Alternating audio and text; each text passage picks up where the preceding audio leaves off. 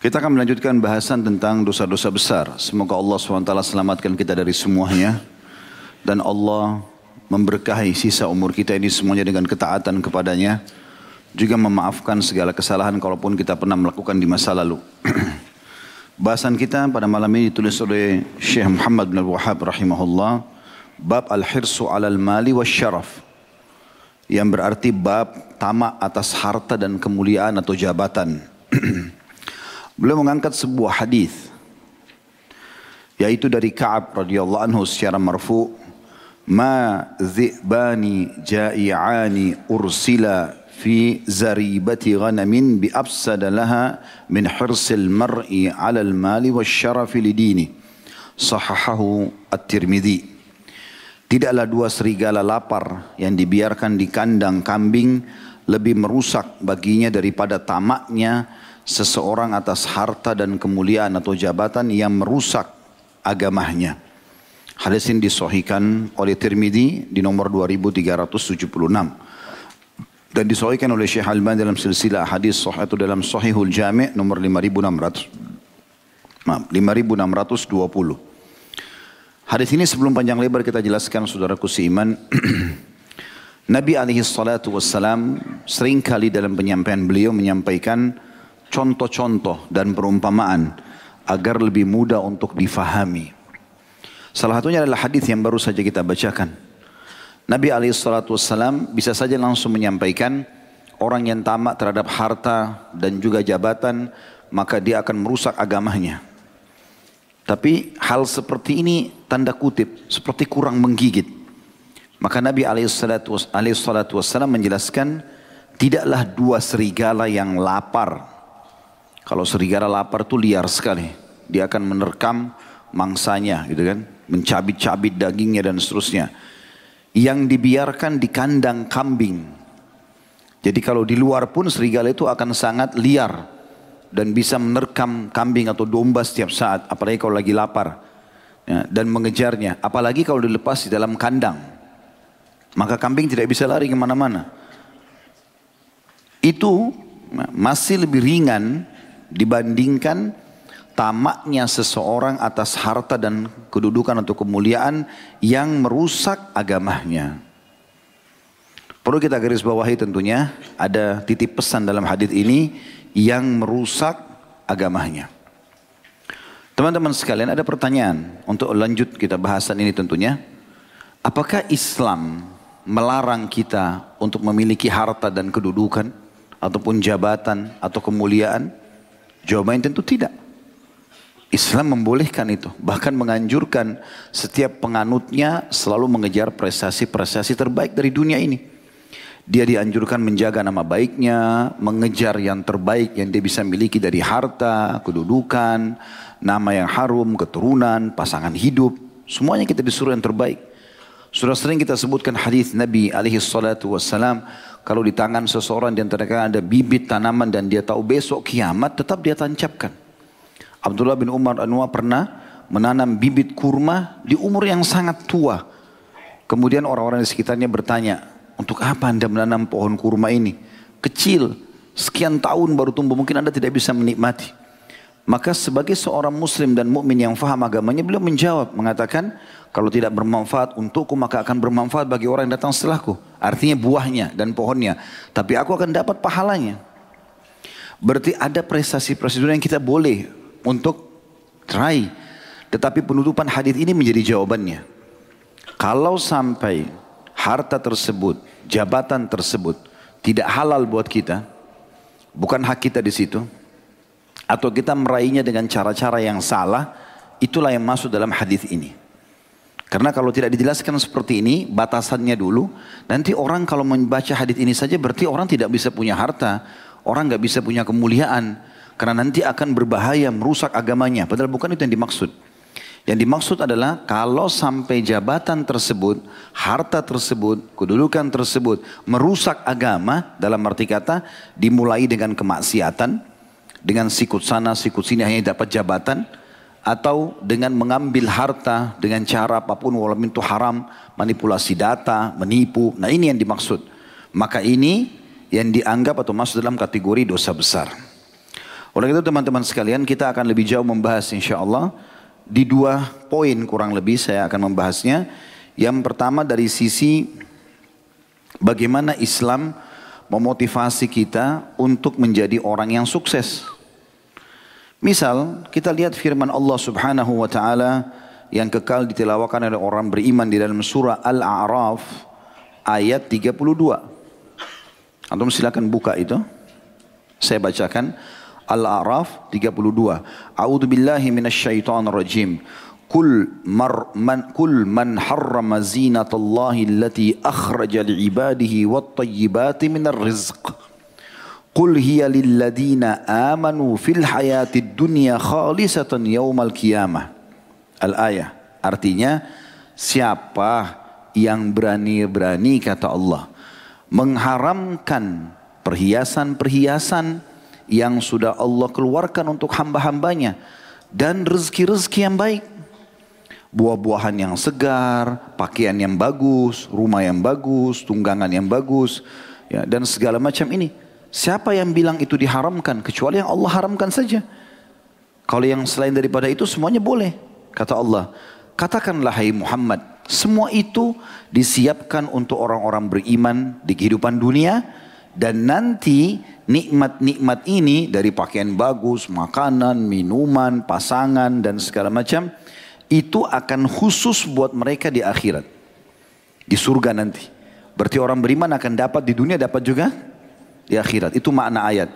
Berarti ayat ini sangat jelas menyuruh kita mengejar prestasi. Dunia memang Allah siapkan justru buat kita. Untuk orang-orang beriman. Orang beriman itu harus berpenampilan yang bersih, yang rapi, yang bagus. Makan makanan yang halal dan tayyibah. Halal dan juga berkualitas. Kita harus punya pendapatan yang bagus. Menjaga nama harum kita dan seterusnya. Ya. Dalam ayat yang lain, Allah Subhanahu wa taala berfirman dalam surah Al-Mulk ayat 15. A'udzu billahi minasyaitonir rajim. Huwallazi ja'ala lakumul arda dalulan famshu fi manakibiha wa kulu min rizqih wa ilaihin nusyur. Dialah Allah yang telah menghamparkan buat kalian bumi. Maka kalian bisa berjalan di atasnya, bisa bercocok tanam, bisa mengambil hasil dari bumi itu, dari tambang dan seterusnya. Dan makanlah rezeki-rezeki yang ada di situ. Dan ketahuilah hanya kepada Allah kalian akan dikembalikan. Ada perintah wakulu mi rezeki. Makan itu rezekinya Allah. Nikmati, silahkan. Juga di dalam surah Al-Jum'ah ayat 10. Tentang masalah apa yang harus dilakukan setiap muslim selesai sholat Jumat. A'udhu billahi minasyaitan rajim. Fa'idha kudiyatis sholat.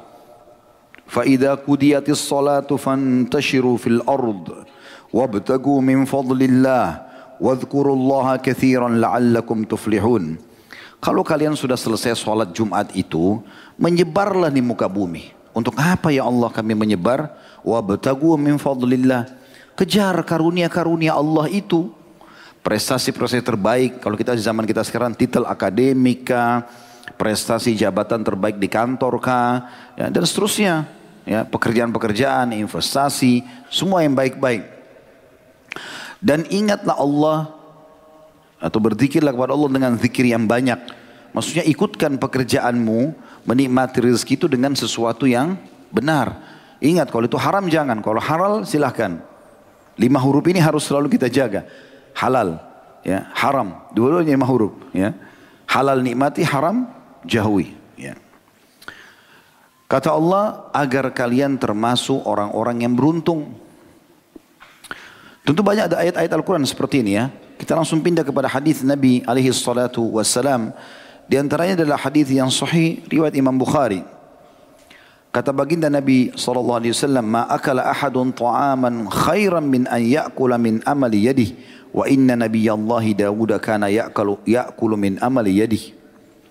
Tidak ada sesuatu makanan yang dikonsumsi oleh seseorang lebih baik buat kesehatannya, buat nama baiknya, daripada yang dia dapatkan dari hasil kerja tangannya. Dan ketahuilah Nabi Allah Daud yang terkenal sangat solid dan patuh kepada Allah, dia selalu makan dari hasil tangannya sendiri. Di dalam riwayat lain disebutkan riwayat Imam Muslim bahwasanya baginda Nabi SAW mengatakan Zakaria alaihissalam adalah tukang kayu, ya, bekerja. Juga diriwayatkan bahwasanya Idris alaihissalam, Nabi Allah yang mulia, kana khayyatan yatasaddaqu bi fadli kasbi. Dia tukang jahit dan dia menguasai bidang itu kemudian dia hidup dari hasil itu. Bekerja. Juga Nabi SAW bersabda dalam hadis Bukhari, li ya'khudha ahadukum abhulah Ketahuilah seseorang di antara kalian mengambil potongan-potongan talinya. Thumma ya'til jabal. Kemudian dia datang atau dia naik nukik ke atas sebuah gunung. Thumma ya'ti bihizmatin min hatab fayabi'uha. Lalu dia mengumpulkan kayu-kayu bakar diikat dengan tali-tali itu. Lalu dia pikul di pundaknya lalu dia jual. Fayastagni bithamaniha. Kemudian dia bisa memuliakan dirinya. Memenuhi kebutuhannya dari nilai penjualan itu khairun lahum min an yas'alan nas. Itu lebih baik daripada dia ngemis-ngemis sama orang. A'tuhu au mana'u. Baik dia diberikan atau dia ditolak. Berarti ada motivasi yang sangat besar. Ayo kerja. Silakan. Cari pendapatan yang baik. Sampai Nabi SAW menggambarkan kita disuruh ambil potongan-potongan tali pergi ke gunung. Cari kayu-kayu ranting kering. Jual di pasar. Lebih mulia. Begitu juga Umar bin Khattab radhiyallahu anhu memotivasi umat ini agar menjadi orang yang bergerak, orang yang tidak boleh vakum, malas, ya. harus berprestasi. Dikatakan kata beliau radhiyallahu anhu ta'allamul mihna. Kuasailah keterampilan-keterampilan itu. Bekerja. Keterampilan ini, keterampilan itu kuasai apa yang kalian cenderung dengan itu. Selama bukan haram. Fa yushiku an yahtaja ahadukum ila. Karena bisa saja satu waktu dia butuh dengan keterampilannya itu. Abu Darda radhiyallahu anhu sering kali memasak di rumahnya ya sampai kedua matanya mengeluarkan air mata lalu makanan itu dijual selain ada yang disedekahkan dan Aisyah menceritakan radhiyallahu anha tentang ayahnya Abu Bakar radhiyallahu anhu karena Abu Bakar atjaru Quraisyin hatta dakhala fil imarah ketahuilah Abu Bakar itu adalah orang Quraisy yang paling berhasil dalam bisnis sampai dia masuk ke dalam pemerintahan. Seorang salafus saleh bernama Qais ibn Asim. Qais ibn Asim ini waktu mau meninggal dia termasuk ulama ya berilmu punya harta banyak melimpah Allah berikan kelebihan fisik waktu dia mau meninggal dia bilang sama anak-anaknya begini alaikum bil mal wastina'ah.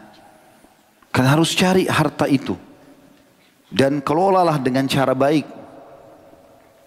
Fa inna fa innahu mambahatul karim. Karena dia sumber yang bagus. Wa yustagna bihi anil dan menjauhkan seseorang dari keterhinaan. Wa iyyakum wal mas'alah dan jangan pernah kalian mengemis fa innaha akhiru rajul karena dia hanya boleh kalau sudah tidak ada jalan lain. Misalnya orang kerampokan, ya, atau orang tua, anaknya semua sudah meninggal, dia nggak bisa mampu lagi bekerja. Apa boleh buat?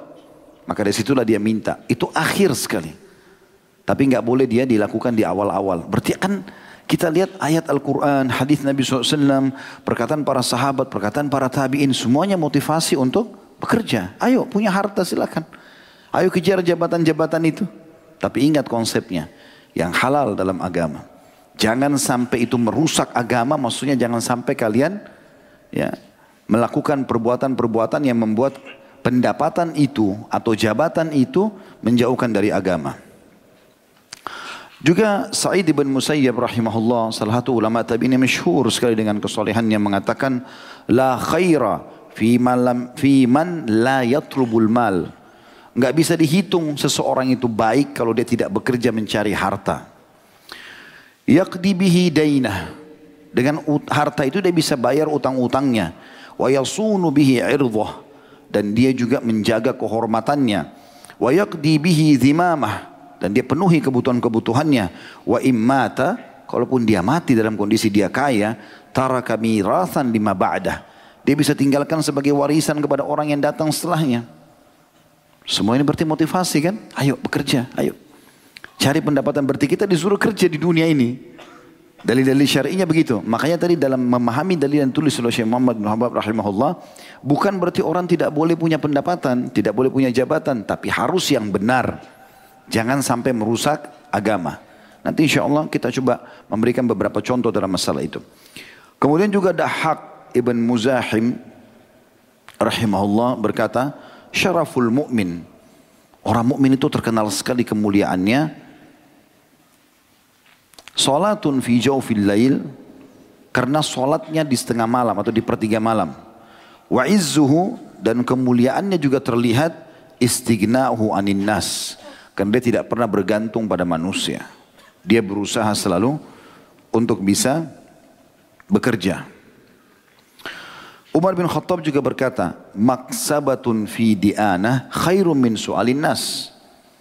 Engkau punya pendapatan dalam kondisi susah payah, kerja keras, angkat batu, apalah mungkin bagi orang itu adalah kerja keras, lebih baik kata Umar daripada engkau mengemis-ngemis pada orang. Diriwayatkan bahwasanya Luqman Al-Hakim yang terkenal dalam surah Luqman ya. Beliau pernah menasihati anaknya sambil mengatakan, "Ya bunayya, wahai anakku, istagni bil kasbil halal." Selalu cari pendapatan yang halal. Sebanyak mungkin kau mampu. Kejar prestasi duniamu itu. Fa innahu maftakara ahadun illa asabathu ihda thalathu khisal. Karena tidak ada orang yang tidak mencari rezeki halal, prestasi dunianya, harta dunia ini, jabatan yang baik dia cari, ya, kecuali dia akan ditimpa tiga hal. Rikkatun fi dinih, lemah agamanya. Orang kalau malas, pengangguran, gak punya pendapatan, lemah agamanya. Bisa dibeli dengan uang. Kita tahu di Indonesia ada orang murtad gara-gara ya, sembako misalnya, gara-gara baju. Lemah agamanya. Yang kedua, awdha'fun fi akli atau lemah akalnya. Orang kalau biasa bekerja, bergerak, maka dia cari pendapatan, ya dia harus berpikir titel apa lagi nih, kesempatan apa lagi selama halal dia lakukan, maka otaknya selalu berpikir, bergerak. Beda dengan orang yang vakum, duduk di pinggir got, tidak mau bergerak, sibuk dengan caturnya, sibuk dengan ya. Tiap hari itu saja, 20 tahun begitu terus. Ya. Begitu terus, tiap hari habis mandi keluar, minta sana, minta sini. Ya. Ada anak-anak kadang-kadang masih muda, minta-minta, mengemis. Ini membuka pintu kemiskinan pada mereka gitu kan. Maka akalnya jadi lemah. Kita kalau aja ngomong tentang proyek ini, wah oh, saya nggak ngerti. Pasti nggak ngerti, karena hadapannya selalu go terus. Gitu. Iya, ini bukan penghinaan ya, tapi motivasi. Kenapa harus ada vakum? Tidak boleh vakum umat Islam, bergerak. Bekerja mulia walaupun berat gitu loh. Ya. Lalu dikatakan awahaun fi muru'ati atau kehormatannya tercoreng. Biar dia tampan, biar dia cantik, begitu orang tahu nggak ada sekolahnya. Ya. Atau misalnya nggak ada pekerjaannya. Orang langsung jatuh di matanya manusia. Ya. Tapi begitu dia belum datang, siapa ini? Oh ini dia S2. Oh ini S3. Mungkin kalau ada S4 dia S4 gitu kan. Siapa si fulan? Oh dia punya uh, usaha ini, dia punya usaha itu. Belum ketemu orang sudah merasa oh ini orang ada kedudukan gitu kan. Maka itu contoh ini dikatakan waha fi muru'ah. Jadi kehormatannya itu ada. Wa'adzam min hadha. Dan yang paling lebih bahaya daripada itu semua adalah istighfafun nasu bihi. Manusia akan anggap remeh dia. Padahal kita semua punya potensi sama kan? Sama-sama punya waktu 24 jam, sama-sama punya dua mata, sama-sama punya dua tangan, punya potensi yang sama. Kecuali ada orang cacat itu berbeda. Tapi kita bicara normalnya, umumnya manusia normal, gitu kan? sebagian orang yang diuji oleh Allah Subhanahu wa taala. Berarti sebenarnya kita bisa mendapatkan prestasi sebagaimana orang lain dapat prestasi. Selalu kita bisa motivasi diri kita mengatakan kenapa dia bisa, kenapa saya enggak bisa. Ini namanya ghibtah dalam agama. Pernah kita jelaskan. Hasad, iri, ya, dibagi dua oleh ulama. Ada hasad yang memang murni dosa, yaitu orang iri melihat prestasi didapatkan oleh seseorang atau kelebihan, lalu dia berharap hilang dari dia. Ini haram hukumnya. Kata Nabi SAW, hati-hati kalian dengan hasad seperti ini, karena dia bisa membakar pahala sebagaimana api membakar kayu bakar. Tapi ada gipto. Gipto itu kita lihat ada kelebihan prestasi pada orang. Dia kaya raya, dia berilmu, dia apa saja. Lalu kita berharap Allah berikan kepada kita yang sama atau lebih tanpa mengharapkan hilang dari orang yang tersebut. Namanya kipta. Yang kata Nabi SAW tidak boleh hasad kecuali pada dua. Seseorang yang Allah berikan di Al-Quran, ilmu agama, maka dia sibuk membacanya, mengajarkan dan seterusnya siang dan malam. Dan kedua adalah orang yang Allah berikan harta dan dia sibuk meng menginfakkan siang dan malam. Maka kita boleh kipta. Kita minta ya Allah berikan saya kekayaan sebagaimana kau berikan kepada dia. Berikan saya ilmu sebagaimana kau berikan kepada dia. Maka itu boleh. Tanpa berharap nikmat itu hilang dari orang tersebut. Nabi alaihissalatu wassalam itu tadi wasiat Luqman yang mulia ya. Harusnya kita jadikan sebagai pegangan. Hai anakku, ketahui selalulah mencari ya, pendapatan yang halal karena tidak ada orang yang meninggalkannya kecuali tertimpa satu dari tiga penghinaan. Yang pertama lemahnya agamanya, yang kedua lemahnya akalnya, yang ketiga tercoreng kehormatannya. Dan Nabi wassalam di dalam riwayat Imam Ahmad dan disahihkan oleh beliau ya, dikatakan atau Nabi SAW bersabda ta'awwadhu billahi minal faqri wal killati wal dhillah. Selalulah berlindung kepada Allah dari kefakiran. Miskin. Minta kepada Allah jangan fakir. Jangan miskin itu wal killah kekurangan wal dhillah dan kehinaan maknanya apa berarti ayo mulia ayo bekerja ayo kejar prestasi terbaikmu di dunia Gitu kan? Seperti itulah. Tapi yang penting konsepnya sekali lagi halal, hak antum. Jangan ambil haknya orang lain. Ya. Seperti banyak terjadi yang saya bilang tadi, contoh-contohnya, ada orang bekerja di satu perusahaan misalnya. Dia begitu bekerja, dia keliru. Sebenarnya statusnya sebagai pegawai, tapi dia keliru. Dia menganggap dirinya sebagai pemilik. Sehingga dia memang mengambil apa saja dari perusahaan. Ini jadi pencuri. Haram, gitu kan. Dia gunakan kepintaran kecerdasannya dalam mengambil harta orang lain. Atau dia menipu ya, mengambil uang, mengambil produk-produk dan segala macam. Ini nggak boleh. Ada orang menjabat misalnya di jabatan pemerintahan, lalu dia tunggangi jabatannya untuk mengambil hal, pendapatan-pendapatan haram. Ini semua tidak boleh, itu kan? Ini haram hukumnya. Tapi dia bisa tunggangi jabatannya untuk mendapatkan prestasi-prestasi yang terbaik, gitu kan? Di Indonesia ini Masya Allah ada sebenarnya, tapi tidak nampak orang-orang itu. Karena memang saya pernah ketemu dengan beberapa jabat kita sendiri, Boleh minta kepada saya, bisa Ustaz, saya mau bicara empat mata di ruangan, di rumah dinas. Baik, saya bilang silakan. Ngobrol, ternyata dengan dengan sedih beliau menyampaikan gitu. Saya Ustaz punya gaji sekian. Sebagai kedudukan seperti ini. Saya tidak ada pendapatan kecuali ini. Keluarga saya membutuhkan pendapatan yang lebih besar. Sering kali orang menawarkan saya minta pekerjaan ini, minta pekerjaan itu, lalu minta, lalu saya akan diberikan sesuatu. Apakah itu halal atau tidak? Saya bilang Bapak kalau memang menjabat, memang sudah memilih menjabat di pemerintahan ya harus menjalankan sesuai dengan itu. Anda mau berbeda ya jadi pedagang. Bebas mengelola harta gitu kan. Tapi kalau jadi pemerintah sudah ditentukan gajinya, ditentukan pekerjaan, tidak boleh Anda dapat pendapatan yang lain. Gitu kan. Apalagi memuluskan pekerjaan orang hanya untuk mendapatkan keuntungan dari situ. Nanti bisa jadi pendapatan haram itu.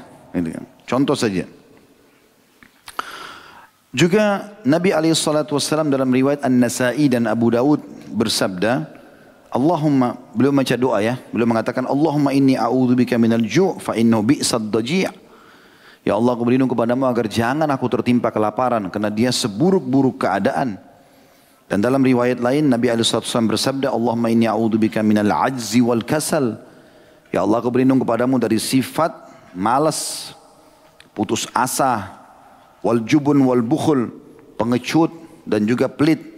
Wa galabatid dain terlilit utang wa qahri rijal dan dikuasai oleh orang-orang.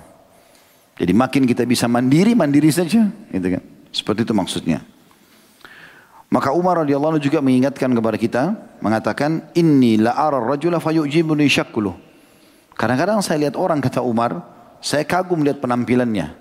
Paras wajahnya tampan, pakaiannya bersih, penampilannya oke okay, gitu kan. Faida sa'ala wa idza sa'altu anhu faqil waktu saya tanya apa pekerjaannya baru dikatakan la amalalah tidak ada pekerjaannya orang ini. Pengangguran. Sakata min aini maka otomatis dia jatuh di mataku kata Umar. Si Umar tidak mau lagi nilai orang ini. Artinya memang betul-betul kita tahu dalam Islam kita dimotivasi untuk justru mendapatkan prestasi-prestasi dunia. Gitu ya. Tapi ingat dengan jalan yang benar. Kita harus rapi, harus bersih, harus pintar, harus kaya. Itu semua kita jadikan prestasi kita. Karena banyak sekali hal yang bisa kita dapatkan dengan harta kita. Pernah saya kasih contoh, masjid ini misalnya. Saya sholat, kita sholat. Saya sholat di masjid, saya dapat pahala. Kalau saya berjamaah sama imam, imam dapat pahala, saya dapat pahala, tapi imam dapat pahala saya. Tadi misalnya imam dapat pahala kita semua karena mengimami kita misalnya. Kita pun masing-masing dapat pahala kita. Muadzin dapat pahala semuanya karena dia memanggil gitu kan. Tapi ada orang tidak hadir di masjid ini dapat pahala kita semua. Yaitu orang yang menyumbang dengan hartanya bangun masjid ini. Dia hidup, dia sudah mati tapi dia dapat pahalanya. Kan gitu. Itu berarti sesuatu yang sangat luar biasa. Makanya Nabi SAW bersabda pada saat melihat Sa'ad bin Wabi Waqqas, orang kaya, dan suka berinfak dan beberapa sahabat Nabi yang lain kata beliau nikmat malus saleh biadi abdis saleh. Harta harta yang saleh itu paling baik di tangannya orang saleh. Dia sudah saleh, dia kaya, maka pasti dia akan gunakan dalam ketaatan. Seperti itulah. Jadi prestasi dunia boleh dikejar, tapi dengan cara yang benar. Karena hadis tadi yang digambarkan oleh Nabi SAW adalah orang yang mengejar harta dan jabatan, tapi sampai merusak agamanya. Sisi yang lain teman-teman sekalian, tadi saya bilang saya mau bahas dari dua sisi. Sisi satu sisi adalah bagaimana Islam memotivasi kita untuk menjadi orang yang berprestasi, mengejar harta dan kemuliaan ini. Sisi yang lain, kita tidak boleh menjadikannya sebagai target utama karena ini yang biasa membuat ketergelinciran, ya, penyimpangan di sini. Jadi kita harus tahu kita akan lalui semua ini. Enggak ada yang kita bawa. Dan ini bukan punya kita. Maka kita harus selalu mengetahui akan ada hisapnya. Karena dalam sebuah hadis yang sahih dikatakan kata Nabi SAW tidak akan beranjak kaki seorang hamba pada hari kiamat kecuali ditanya empat salah satunya hartanya dari mana dia dapatkan ke mana dia keluarkan. Ya. Dan para ulama mengatakan yang paling baik manusia adalah pendapatannya halal dikeluarkan pada yang halal. Yang kedua ini buruk pendapatannya halal tapi dikeluarkan pada yang haram. Gajinya sudah halal uang warisan halal tapi dipakai berzina, pakai khamar, judi dan seterusnya. Yang ketiga, buruk juga. Ya. Tapi dia berdosa dari dua sisi. Kalau yang tadi yang kedua ini dosanya hanya pada saat dia keluarkan pada haram. Pendapatan halalnya tidak. Tapi yang ketiga ini dosa dua-duanya. Karena pendapatannya haram dikeluarkan pada yang halal. Hasil korupsi dipakai haji. Hmm. Pendapatannya haram tapi dipakai kepada yang halal. Ini dosa dua-duanya. Hajinya pun tidak diterima, gitu kan? Sudah pernah kita jelaskan itu. Hadis Nabi SAW yang dihasankan oleh para ulama hadis, kalau seseorang itu pergi haji dengan pendapatan halal, mulai pada saat dia injakkan kakinya di sebuah lembah, lalu dia mengatakan labbaika wa sa'daik, aku menjawab panggilanmu dan kemuliaan untukmu ya Allah, maka malaikat akan menyeru, ya. Dia di labbaika wa sa'daik dijawablah Eh, panggilanmu itu karena makananmu halal, bekalmu halal, tunggang tungganganmu halal, hajimu mabrur. Sementara kalau orang pendapatan haram dia pergi haji, gitu kan? Dari hasil riba, dari korupsi, dari manipulasi, dari apa saja misalnya, Kemudian dia pergi haji, maka kalau dia injakkan kakinya di lembah, kata Nabi SAW, lalu mulai dia mengatakan, Labbaik wa sa'daik, Labbaik Allahumma labbaik. Ya Allah, ya saya menjawab panggilanmu dengan santun, maka malaikat menjawab, La labbaik wa la sa'daik. Enggak ada jawaban panggilan hajimu, tidak ada kebahagiaan untukmu. Karena makananmu haram, tungganganmu haram, pakaianmu haram, gitu kan. Dan hajimu tidak akan diterima. Itu hadis ya Nabi alaihissalatu wassalam. Yang keempat lebih buruk lagi. Ya. Jadi yang pertama yang paling bagus pendapatannya halal dikeluarkan pada yang halal. Ini yang kata Nabi SAW, nikmat malus soleh biadi abdis soleh. Sebaik-baik harta yang baik, yang soleh di tangannya orang soleh. Yang kedua, dosa di satu sisi, pendapatannya halal, kerjanya udah bagus, tapi dikeluarkan pada yang haram, berzina, mabuk, judi. Maka dia dosa di pengeluarannya. Yang ketiga, dosa di dua sisi. Pendapatannya haram dari uang korupsi tapi dipakai kepada kebaikan. Misalnya haji dan seterusnya tadi. Yang keempat yang paling buruk. Sudah pendapatannya haram, dikeluarkan pada yang haram. Hasil korupsi dipakai zina. Hasil korupsi dipakai mabuk, pakai judi, ini makin dalam dalam neraka. Wa Nah seorang mukmin di poin kedua ini harus menjadikan dunia atau apa yang dia kejar dari harta, dari jabatan itu semua untuk kehidupan akhirat. Bukan di sini. Sehingga apa pun yang dia lakukan dia selalu mencari sumber yang halal ya dan ditanam sebagai investasi untuk akhirat. Itu yang benar. Ya, seperti itu kita lakukan. Antum punya jabatan, seorang pengacara misalnya. Bagaimana prestasi nama baiknya sebagai pengacara dia gunakan untuk mengejar pahala di akhirat. Membela orang-orang yang terzalimi gitu kan. Dia tidak akan menerima sogokan, dia tidak akan bela orang yang zalim dan seterusnya. Gitu kan. Begitu semuanya. Semua jabatan-jabatan ini ditunggangi demi untuk mendapatkan hasil panen nanti di akhirat. Karena banyak alasannya, dalil-dalilnya. Di antaranya Allah SWT menggambarkan tentang dunia ini dalam surah Al-Hadid. Surah nomor 57 ayat 20. Ya. Bunyinya A'udzubillahi minasyaitonirrajim Al-Hadid. Surah nomor 57 ayat 20. I'lamu annamal hayatud dunya la'ibun wa lahun wa zinatun wa tafakhurun bainakum wa takathur. Wa tafakhurun Kamathali gaithin a'jabal kuffara nabatuhu thumma yahiju fatarahu musfarra. Thumma yahiju fatarahu musfarran thumma yakunu hutama wa fil akhirati azabun syadidun wa maghfiratu minallahi wa ridwan wa mal hayatu dunia illa mata'ul gurur. Ketahuilah bahwa sungguhnya kehidupan dunia ini hanyalah permainan dan suatu yang melalaikan. Maksudnya seperti orang lagi bermain pasti akan ada berhentinya ya perhiasan dan berbangga-banggahan antara kamu serta berbangga-bangga tentang banyaknya harta dan anak. Seperti hujan yang tanam-tanamannya mengagumkan para petani. Kemudian tanaman itu menjadi kering dan kamu lihat warnanya kuning. Kemudian menjadi hancur. Yang tadinya tanaman-tanaman itu berbuah indah. Begitu dia beberapa hari tinggal akan kering dan akhirnya hancur. Dan di akhirat nanti akan ada adab yang keras bagi orang-orang yang membangkang, mencari yang haram dan juga ada ampunan dari Allah serta keridoannya bagi orang-orang yang patuh. Dan kehidupan dunia ini tidak lain hanyalah kesenangan yang menipu. Kesenangan yang menipu. Ini teman-teman sekalian yang berhubungan dengan masalah ayat pertama. Yang kedua, Allah Subhanahu wa taala juga menyebutkan dalam surah Yunus Surah nomor 10 ayat 24. Gambaran agar seorang mukmin selain satu sisi dia mengimbangi antara prestasi dunianya dengan dia tidak menjadikannya sebagai target, gitu kan? Bunyinya a'udzubillahi minasyaitonirrajim innama mathalul hayatid dunya in anzalnahu minas samai fakhtalata bih فاختلط به نبات الأرض مما يأكل الناس والأنعام حتى إذا أخذت الأرض زخرفها وزينت وظن أهلها أنهم قادرون عليها أتاها أمرنا ليلا أو نهارا فجعلناها حصيدا كأن لم تغن بالأمس كذلك نفصل الآيات لقوم يتفكرون Artinya perumpamaan kehidupan dunia ini seperti air yang kami turunkan dari langit, air hujan.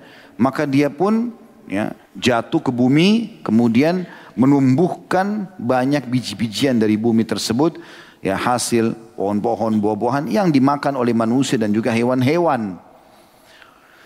Dan ketika bumi itu sudah menjadi indah dan terhiasilah dengan tanaman-tanaman yang indah dan penghuninya mengira bahwasanya mereka mampu untuk panen, maka tiba-tiba datanglah ya perintah kami untuk menghancurkan semua itu di malam ataupun di siang hari.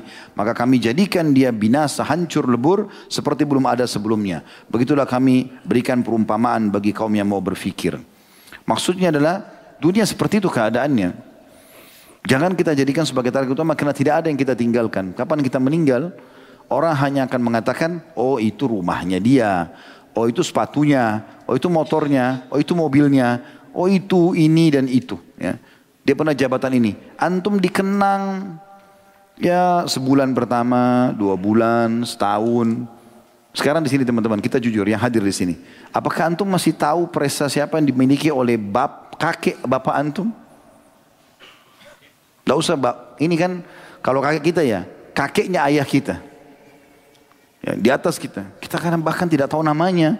Banyak yang saya tanya, siapa nama antum? Fulan. Nama ayah siapa ini? Nama kakeknya dia tidak tahu. Kalaupun tahu nama kakek, siapa namanya ayahnya kakek nggak tahu. Apalagi kalau kita tanya 7-8 jalur ke atas, dia bakal tidak tahu. Artinya ada saat di mana kita nggak dikenang lagi sama orang-orang. Belum tentu kuburan kita didatangi, belum tentu kita dikenang. Walaupun di zaman kita sangat luar biasa, berjaya. Kecuali memang yang orang-orang ini subhanallah yang kita lihat sampai sampai kepada kita sekarang orang-orang saleh dari kalangan para nabi, sahabat, itu yang dikenang. Orang-orang yang cuma dunia urusannya ini tidak akan dikenang. Akan habis nama mereka. Semua akan dibagi warisan gitu. Nabi SAW menggambarkan dunia ini.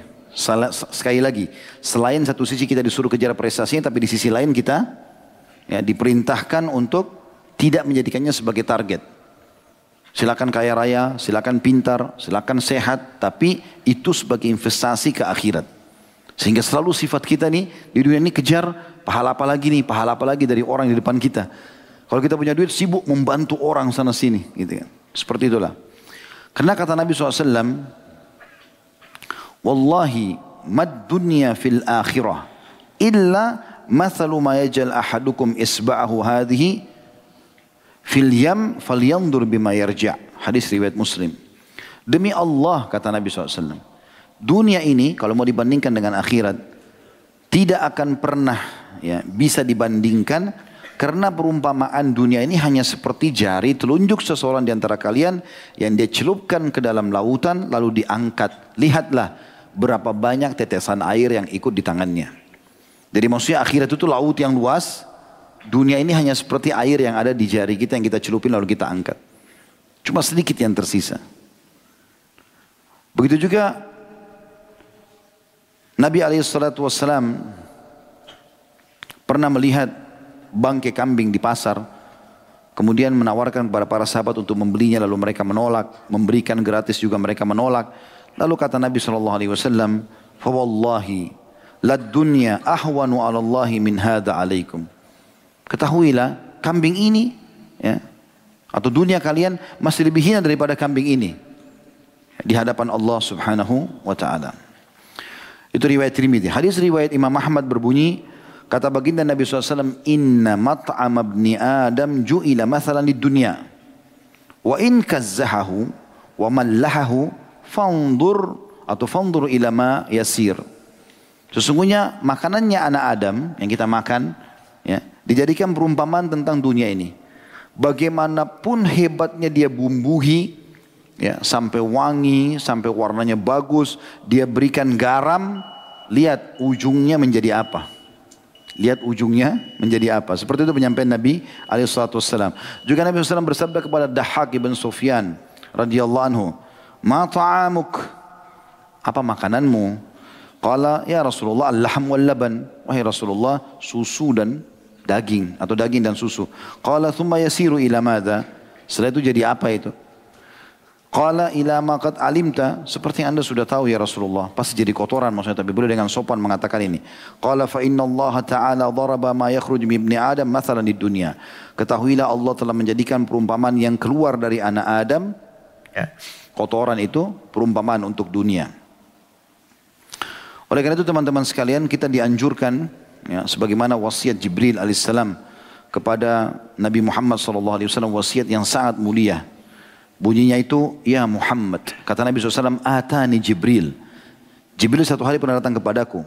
Faqal, lalu berkata, Ya Muhammad, wahai Muhammad. Ish ma syi'ta fa innaka. Hidup sesukamu, tapi pasti kau akan mati nanti. Wa ahbib ma syi'ta fa innaka mufariku. Wa ahbib man syi'ta fa innaka. Cintai siapa pun yang kau sukai. Tapi tetap kau akan berpisah dengannya.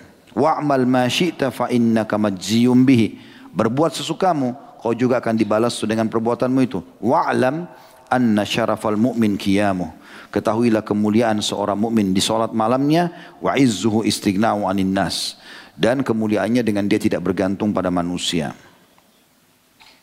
Di dalam riwayat yang lain, dalam kita mencari pendapatan prestasi dunia, ini kaidah yang disampaikan oleh Nabi SAW dalam hadis riwayat Ibnu Majah dengan sanad Hasan. Kata beliau, "Man ardan nasa bi sakhatillahi wakkalahu Allahu ilan nas." Siapa yang membuat manusia ridho, haram nih, tapi nggak apa-apa deh. Ya, karena pejabat ini yang minta, karena orang ini yang minta misalnya. Siapa yang membuat manusia ridho, tapi itu mengundang murkahnya Allah, maka Allah akan menggantungkan dia pada manusia itu. Waman askhatan nas Siapa yang sebaliknya membuat orang jengkel dan marah karena mencari ridhonya Allah, Allah haramkan tetap dia tidak mau jalankan, walaupun orang-orang itu minta, kafahullahu mu'aunatan nas. Maka Allah akan cukupkan dia dari ketergantungan dengan manusia. Juga teman-teman sekalian disebutkan di dalam riwayat yang lain, dan ini kaidah penting ya, supaya kita selalu ridho dengan apa yang Allah SWT berikan. Kata Nabi SAW dalam hadis Bukhari, disebutkan dalam adab mufrad, Man asbaha minkum aminan fi sirbih. Siapa yang bangun pada pagi hari dia aman di tempat tinggalnya. Ini ada dua ada dua bacaan sirbihi atau sarbihi. Semua bermakna tempat tinggalnya atau wilayah yang sedang dia ada. Aman. Mu'afan fi jasadi. Sehat badannya. Indahu kutu yaumi. Dia sudah bisa dapat makanan dia hari itu. Fakaan nama hizat lahu dunia. Seakan-akan dunia sudah berkumpul semua padanya. Kita tutup teman-teman sekalian dengan wasiat mulia dari Hasan Basri rahimahullah. Beliau mengatakan, Aku tahu rezekiku tidak akan diambil oleh orang lain. Allah sudah tentukan, tidak akan pindah ke tangan orang lain. Karena itu hatiku selalu tenang. Aku tahu amalku tidak akan dikerjakan orang lain, karena itu aku sibuk beramal soleh. Tidak mungkin ada orang yang sholat buat aku segala macam gitu. Aku tahu Allah Ta'ala selalu memperhatikanku. Karena itulah aku malu jika Allah melihatku dalam maksiat. Aku tahu kematian sudah menungguku. Karena itulah aku selalu menambah bekal untuk hari pertemuanku dengan Allah. Beliau berprestasi dunia, seorang ulama, orang yang mampu. Tapi beliau juga membahasakan ini agar memberikan gambaran kepada kita bagaimana menetralkan atau mengatur ya eh, apa kestabilan dalam mengatur prestasi dunia dan juga kita tidak menjadikannya sebagai target. Dan beliau juga mengatakan jauhi dunia ini. Sesuatu yang haram jangan disentuh. Karena ia seperti ular yang mulus pada sentuhan tangan tapi racunnya bisa membunuh. Tapi racunnya bisa membunuh. Allahu